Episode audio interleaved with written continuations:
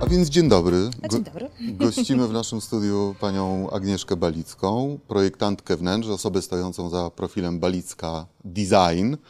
E, zacznijmy od pewnej rzeczy, od obalenia pewnych tutaj mitów, wyjaśnienia pewnych rzeczy i tak dalej, no bo no nasza rozmowa będzie, no tutaj odsłoni trochę kart, prawda, jeżeli chodzi o postrzeganie pani zawodu, ale zacznijmy od magicznych pojęć tutaj, które przewijają się wszędzie.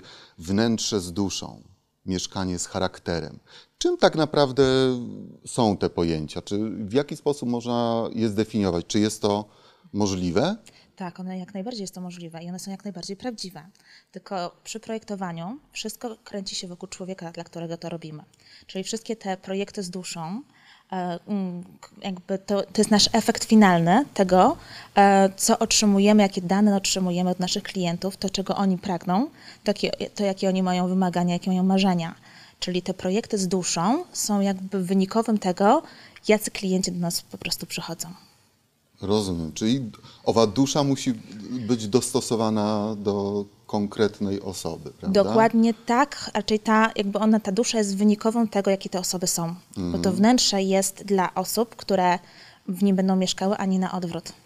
Proszę mi powiedzieć krok po kroku, jak wygląda ów proces twórczy. No najpierw gdzieś tam są Pani wizje, które w pewnym momencie mniej bądź bardziej boleśnie zderzają się z wizjami y, klientów, zleceniodawców, prawda? Y, w jakim stopniu projektant wnętrz powinien iść na kompromisy, machnąć ręką w porządku, w końcu nie ja będę tam mieszkać, a na ile dla dobra klienta, który no, czasami ma dyskusyjne swoje wizje, na ile powinien gdzieś tam swoje, swoje fachowe, nazwijmy to w ten sposób, wizje wymuszać. Okej, to ja odpowiem od początku, jak to wszystko wygląda.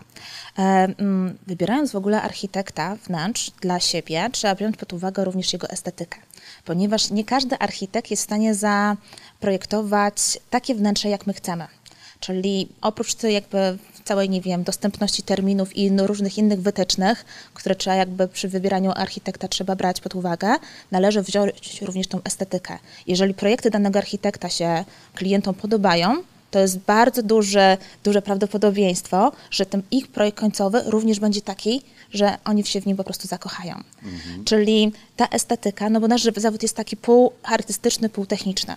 Czyli mm, każdy architekt ma swój, swoje poczucie estetyki, swój gust. Są elementy, które lubi, e, kolorystykę, którą lubi, więc trudno mu mm, wyprzeć się tego, w co wierzy i czym pracuje na co dzień, na rzecz klienta. I wtedy mogą być takie, bym powiedziała, starcia e, między klientem a, a wykonawcą, czyli architektem, więc to jest bardzo istotne.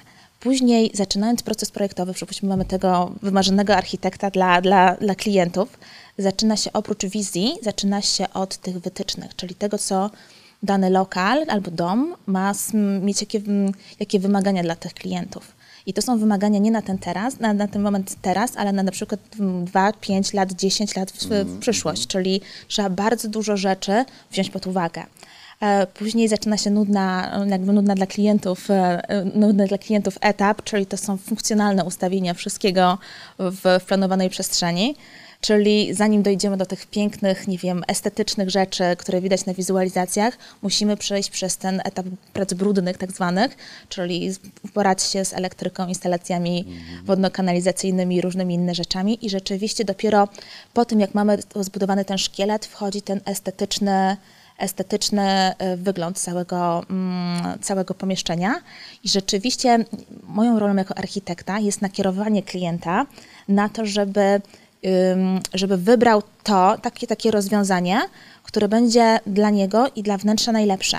Ale to nie zawsze tak jest, że to musi być mój pierwszy strzał. Zawsze mamy na przykład wybór, jeśli chodzi o kilka opcji, więc to też możemy jakby lawirować między tymi wyborami w zależności od tego, co klient na przykład, jakie ma odczucia, ten, od, jeśli chodzi o dany element. Nie wiem, przypuśćmy kolor, nie wiem, meble, oświetlenie, nie wiem, kolor podłogi, czy to ma być drewniana, czy nie wiem, z mikrocementu, zawsze możemy powiedzieć, jakie są plusy i minusy danego materiału. Więc to nigdy nie jest takie zero-jedynkowe, że to tak ma, tak ma być, mhm. innego jakby, innej opcji nie ma, tylko staramy się być takim doradcą i poprzez swoje doświadczenie, no i właśnie ten zmysł artystyczno-techniczny, jesteśmy w stanie po prostu doradzić, co, co będzie dla niego i dla wnętrza najlepsze. Czyli kolejny z elementów niezbędnych w Pani branży, jednak cierpliwość Oj, jest tak. również wskazana.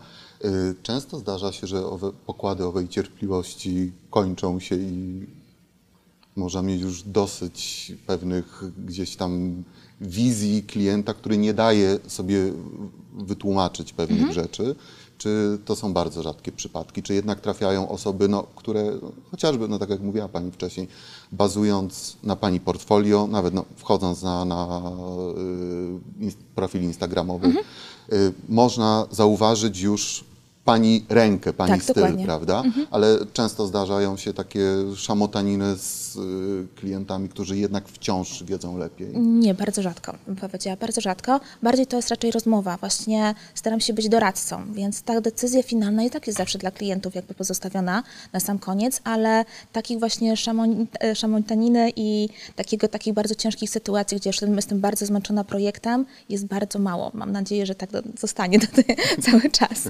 A, ale tutaj akurat mam szczęście, że pracujemy z takimi klientami, którzy no, mamy po prostu flow na, jeden, na jedną stylistykę i podobne odczucie e, przestrzeni, więc tutaj nam się bardzo dobrze współpracuje. Mhm. Proszę mi powiedzieć, bo mamy do czynienia teraz z kolejnym z tych takich mitycznych dylematów. Design, mówiąc ładnie po polsku, czy funkcjonalność? Bo tutaj, prawda, to jest Tak. kwestia odnalezienia odpowiedniego kompromisu. Zwłaszcza w przypadku wnętrz, no, chociaż nie wiem, czy zwłaszcza, no, ale w przypadku wnętrz użytkowych również, prawda, którymi zajmuje się Pani także, no jednak kwestia produktywności, yy, no i ergonomii wnętrz i tak dalej, no, często wymusza pewne kompromisy estetyczne, prawda? Tak. W jaki sposób można to wypośrodkować tak, żeby stworzyć wnętrze idealne? E, Trzeba to wypośrodkować, bo jeżeli pójdziemy jedną albo drugą stroną, no to to wnętrze albo będzie praktyczne do bólu i kompletnie niedesignerskie, albo będzie owej tylko... duszy. Tak, dokładnie, bez owej duszy, albo będzie za bardzo designerskie, kompletnie nie do życia, albo do funkcjonowania. Więc warto sobie zrobić tak jak, no jak zwykle, jak kompromis jest najlepszym rozwiązaniem, ale ten design jakby na przykład wypośrodkować sobie do jednego elementu, który tam stanowić będzie taką dominantę, taki główny element estetyczny, wokół którego jesteśmy w stanie zbudować całą aranżację, e, albo go jakoś przemyśleć w mniejszych elementach, które będą jednocześnie jakby mm, grały z tą funkcjonalnością i będą takim elementem dodatnim, e, który nam wzbogaci cały wygląd przestrzeni. Mm. Czyli trzymanie się zasady im więcej, tym lepiej. Nie zawsze, Nie- ra- raczej nie, raczej jestem z tych drugich, że im mniej, tym lepiej. Proszę mi powiedzieć, anegdotycznie przypomina się Pani jakaś sytuacja najbardziej dziwna, nazwijmy to w ten sposób najogólniej, jeżeli Mhm. chodzi o za zamówienie, oczekiwania klientów, czy coś takiego? E, Dziwne to bym nie powiedziała, ale za każdym razem, bo jak mm, my mamy bardzo personalne podejście do naszych klientów i każdego klienta traktujemy oddzielnie, nie mamy takich, nie wiem, jakichś standardów, że każdy musi mieć podobne, e, podobne wymagania i zachowania. E, i przed rozpoczęciem każdego projektu dostajemy, klienci dostają taką do wypełnienia ankietę swoich właśnie potrzeb i oczekiwań. I za każdym razem w każdej tej ankiecie są takie rzeczy, które rzeczywiście wzbudzają we mnie zaskoczenie albo się nie spodziewałam, że coś takiego rzeczywiście może być. Jest to najczęściej związane z, ze zwierzętami albo z dziećmi. A tak, bo jak, jak, większość z nas jest przyzwyczajona do tego, że w domu mamy psy, koty i drapak, czy tam, nie wiem, miska na jedzenie i picie na wodę, to jest norma, ale jeżeli pojawiają się inne zwierzęta, których ja na przykład nie mam kontaktu, czy na przykład papuga, e, i papuga, która wolno lata i też potrzebuje mieć swoje wymagania odnośnie tego, no to jest to dla mnie zaskakujące i coś nowego, takie nowe, nowe wyzwanie, żeby też to projektowo ograć. Więc, e, więc takie sytuacje, tak samo odnośnie hobby, odnośnie e, stylu życia. Jeżeli ktoś, nie wiem, wspina się albo ma, nie wiem, nurkowanie, potrzebuje mieć bardzo dużo miejsca na przykład na sprzęt do nurkowania. albo co- kolekcjonerzy Kolekcjonerzy, tak, to są prawda? takie rzeczy, bym powiedziała, które wpływają, albo ktoś, nie wiem, gotuje i chce mieć dwa zlewy, przypuśćmy, bo, nie wiem, jeden to jest do brudnych rzeczy, a drugi, nie wiem, do warzy, bo nie chce tego łączyć. Mhm. Takie, bym powiedziała, przyzwyczajenie i swoje wymagania takie życiowe. Czyli to nie są takie bardziej zaskakujące, bo każdy rzeczywiście, z każdy z tych, z tych osób, które, która, z, z którymi pracujemy, zawsze ktoś tam się znajduje, co nie jest taki kopiuj wklej powielanie poprzedniego, bym powiedziała, ankiety, tylko zawsze jest to indywidualne podejście e, i indywidualne potrzeby, które są tam umieszczone. Przechodząc do wątku, o którym Pani wspomniała, że to jest praca z jednej strony no, związana jednak z wyczuciem estetyki, zmysłem artystycznym, prawda? No, a z drugiej strony jednak jest to mozolna, zwykła praca, co do której właśnie wiele osób ma zupełnie inne wyobrażenia, prawda? W tym momencie, jeżeli możemy wziąć wielki młot i uderzyć w ten mit, yy, w to mityczne postrzeganie pani zawodu. Proszę opowiedzieć, jak to naprawdę wygląda, no bo ten obraz jest mocno zafałszowany. Tak, ta, tak, to nie jest tak, to nie jest tak, że remont trwa trzy dni, albo jeden dzień, albo tak jak to widać e, w niektórych programach telewizyjnych. I to wszystko nie tworzy się tak. Jak się architekt dostaje rzut, to od razu nie ma w głowie pełnej wizji tego, jak to będzie wyglądało. I rzeczywiście projekt, e, proces projektowy razem z klientem, bo to jest tak, że przechodzimy go w teamie razem z klientem. I to też jest zaskakujące często, że to nie jest architekt, który robi całą pracę, A, tylko ten klient też jest zaangażowany, ponieważ po jego stronie jest e, podjęcie bardzo wielu decyzji na tym etapie, bym chciała powiedziała, każdym projektowym, e, a trwa on kilka miesięcy. Więc e, żeby to wszystko, bym powiedziała, oddzielić od ogółu do szczegółu, potrzebujemy dużo czasu i potrzebujemy przejść różnego rodzaju etapy projektowe. I rzeczywiście e, architekt też nie jest, co jest bardzo często jakby mylone, nie jest dekoratorem, czyli pewne rola architekta kończy się w pewnym momencie i już nie dobiera każdego wazonu, sztućce, w, nie wiem, do wystroju wnętrza, różnych, innych elementów dekoracyjnych, w zależności od biura architektonicznego, ale ten, ten jakby podział jest taki dosyć e, ruchomy, każdy sobie z nich jakby wyznacza tą granicę, gdzie kończy się właśnie ten, ten etap pracy architektonicznej, a potem wchodzi dekorator, więc z tym się właśnie z- zderzałam, że tutaj y, musiałam wyznaczać tą granicę, gdzie u nas kończy się praca architektoniczna i rzeczywiście jest ona bardzo skomplikowana, ponieważ y, musimy przeanalizować praktycznie całe, całą przestrzeń do życia pod względem poznać osoby, dla których to robimy przez bardzo krótki czas czy, i poznać ich e, właśnie mm, potrzeby, poznać ich estetykę. Mm, Wątek Psychologiczny. Troszeczkę tak, jest bardzo troszeczkę tak. Poznać, wyciągnąć z nich czasami informacje, po co jest na przykład to mieszkanie, czy oni chcą je sprzedać za dwa lata, czy nie wiem, planują dzieci, czy planują zwierzęta, czy na przykład będą, nie wiem, gotują często, czy gotują rzadko, czy kuchnia ma być dla nich właśnie tylko do odgrzewania, czy jednak musi być funkcjonalna, czy często przyjmują gości, ile potrzebują miejsca do siedzenia, e, telewizja, czy, czy rzutnik, może telewizor, rzutnik, e, nagłośnienie, jest tego mnóstwo. Nie, potem kwestie techniczne, smart home na przykład, e, rekuperacje, różne inne rzeczy, wentylacje, klimatyzacje, jakby tego jest e, bardzo dużo takich technicznych rzeczy, które również musimy przemyśleć, najpierw narys- potem narysować, a potem jeszcze przetłumaczyć i omówić z klientem, żeby on się był świadomy tego, co potem w tym jego domu czy mieszkaniu po prostu będzie. Mhm.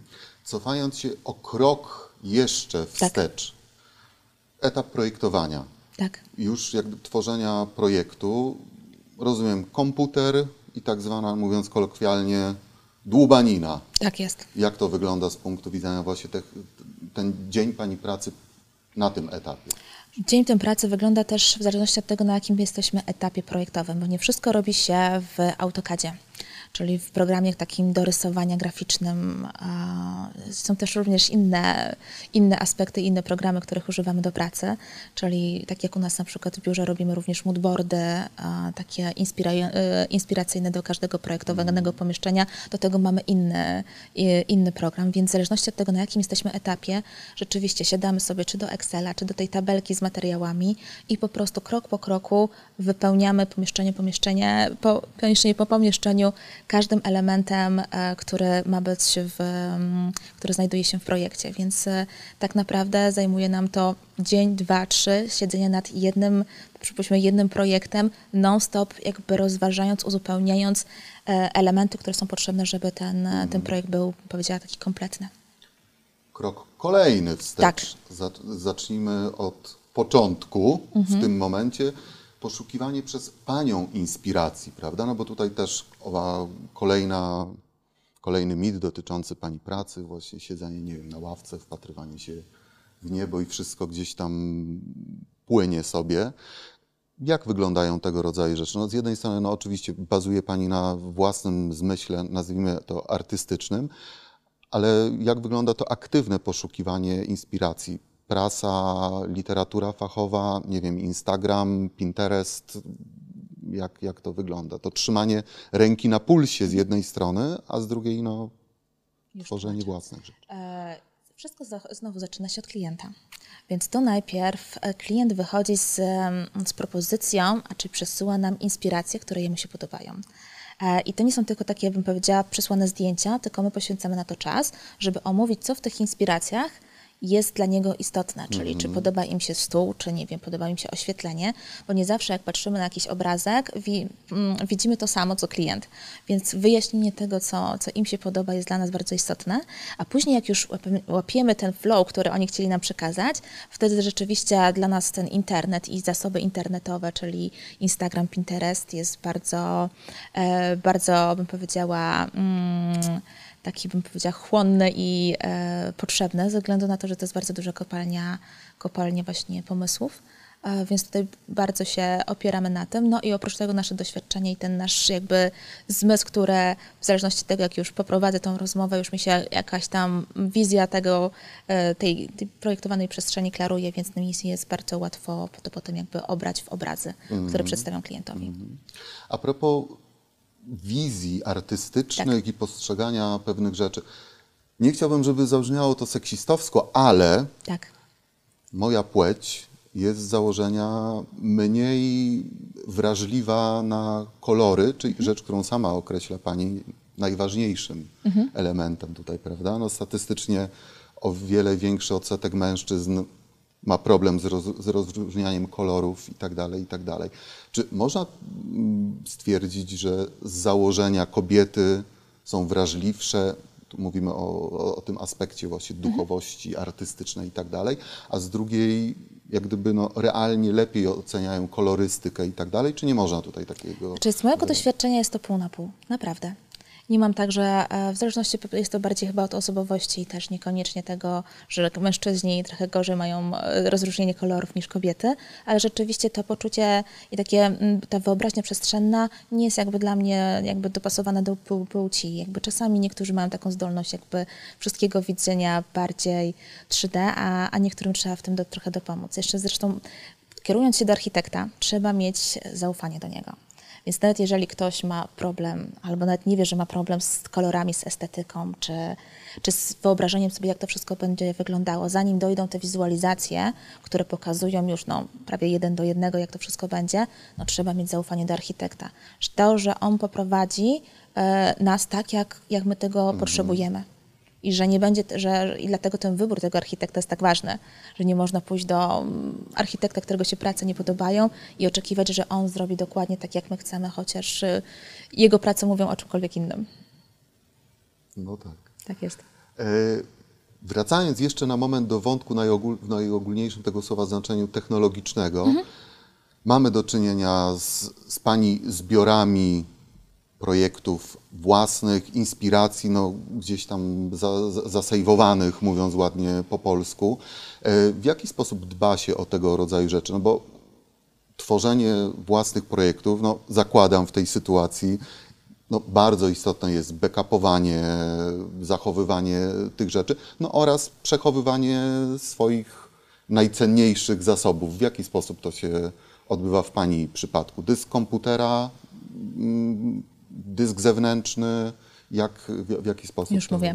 E, Projekty, nad którymi bieżąco jakby pracujemy, e, no to mamy to każdy na nasze, jakby u nas w, w, w naszej pracowni mamy kilka architektów, grafika, więc jakby każdy ma swój komputer, na którym pracuje. Więc te projekty są oczywiście w, jakby prowadzone na, w zależności od tego, kto na czym pracuje przez daną osobę. W naszej pracowni najważniejsze jest bezpieczeństwo przechowywania danych. I tutaj rzeczywiście z pomocą przychodzą mi dyski SSD, które są bardzo odporne na wstrząsy. Nie mają ruchomych części, które mogłyby się zużyć, więc nasze dane naprawdę są zabezpieczone. E, oprócz tego dyski te również mają wiele innych zalet, e, począwszy od wyższej mm, prędkości odczytu i zapisu poprzez mniejszy pobór mocy, aż po cichszą pracę i nieprzegrzewanie się komputera. Porównując sobie mm, dyski SSD z dyskami HDD, nie ma takiego ryzyka fragmentacji danych, które mogłyby spowolnić pracę całego komputera, a to też jest dla nas bardzo, bardzo istotne, ponieważ nie możemy sobie w naszej działalności po prostu pozwolić na jakiekolwiek opóźnienia. Co jest też bardzo istotne, e, dyski te oprócz tego, że służą nam jako miejsce do przechowywania ważnych, e, ważnych dla nas danych, również wspomagają pracę naszych komputerów. Nawet zainstalowanie tych dysków w starszych modelach komputerów pomaga im rozwinąć swoją moc. A samo przesyłanie danych, o tym jeszcze nie wspomniałam, jest rzeczywiście banalnie proste. Wystarczy skorzystać z programu Samsung Data Migration. Na koniec nie mogę odmówić sobie tego pytania. Yy, proszę mi powiedzieć, czy odwiedzając mieszkania w trybie prywatnym, Tak. odwiedzając po raz pierwszy mieszkania znajomych, bywając w tak zwanych gościach, czy istnieje coś takiego w Pani branży jak skrzywienie zawodowe, kiedy rozgląda się Pani oceniając to wszystko? Aż czy, oczywiście, że czy tak. po godzinach można odciąć się Nie, od... nie, to jest tak zawsze. E, Czy jesteśmy u znajomych, czy nieznajomych, czy jesteśmy w nowych miejscach.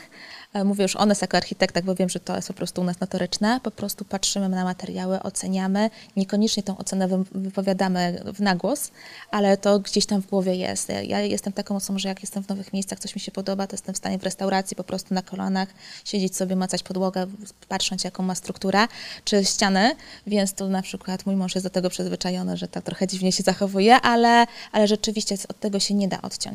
Czy to jest sklep, czy to jest witryna sklepowa, ta estetyka jest nam cały czas jakby bliska i, i nie da się odciąć grubą kreską, że tutaj jesteśmy w pracy, a tu jesteśmy poza pracą. Rozumiem. Bardzo dziękuję za rozmowę. Ja po wyłączeniu kamery oczywiście oceni Pani jeszcze lepiej tutaj naszą redakcję, w razie czego może się ugryźć w język, nie, Dobrze. nie komentując taktownie. Zobaczymy. A na razie wielkie dzięki za rozmowę.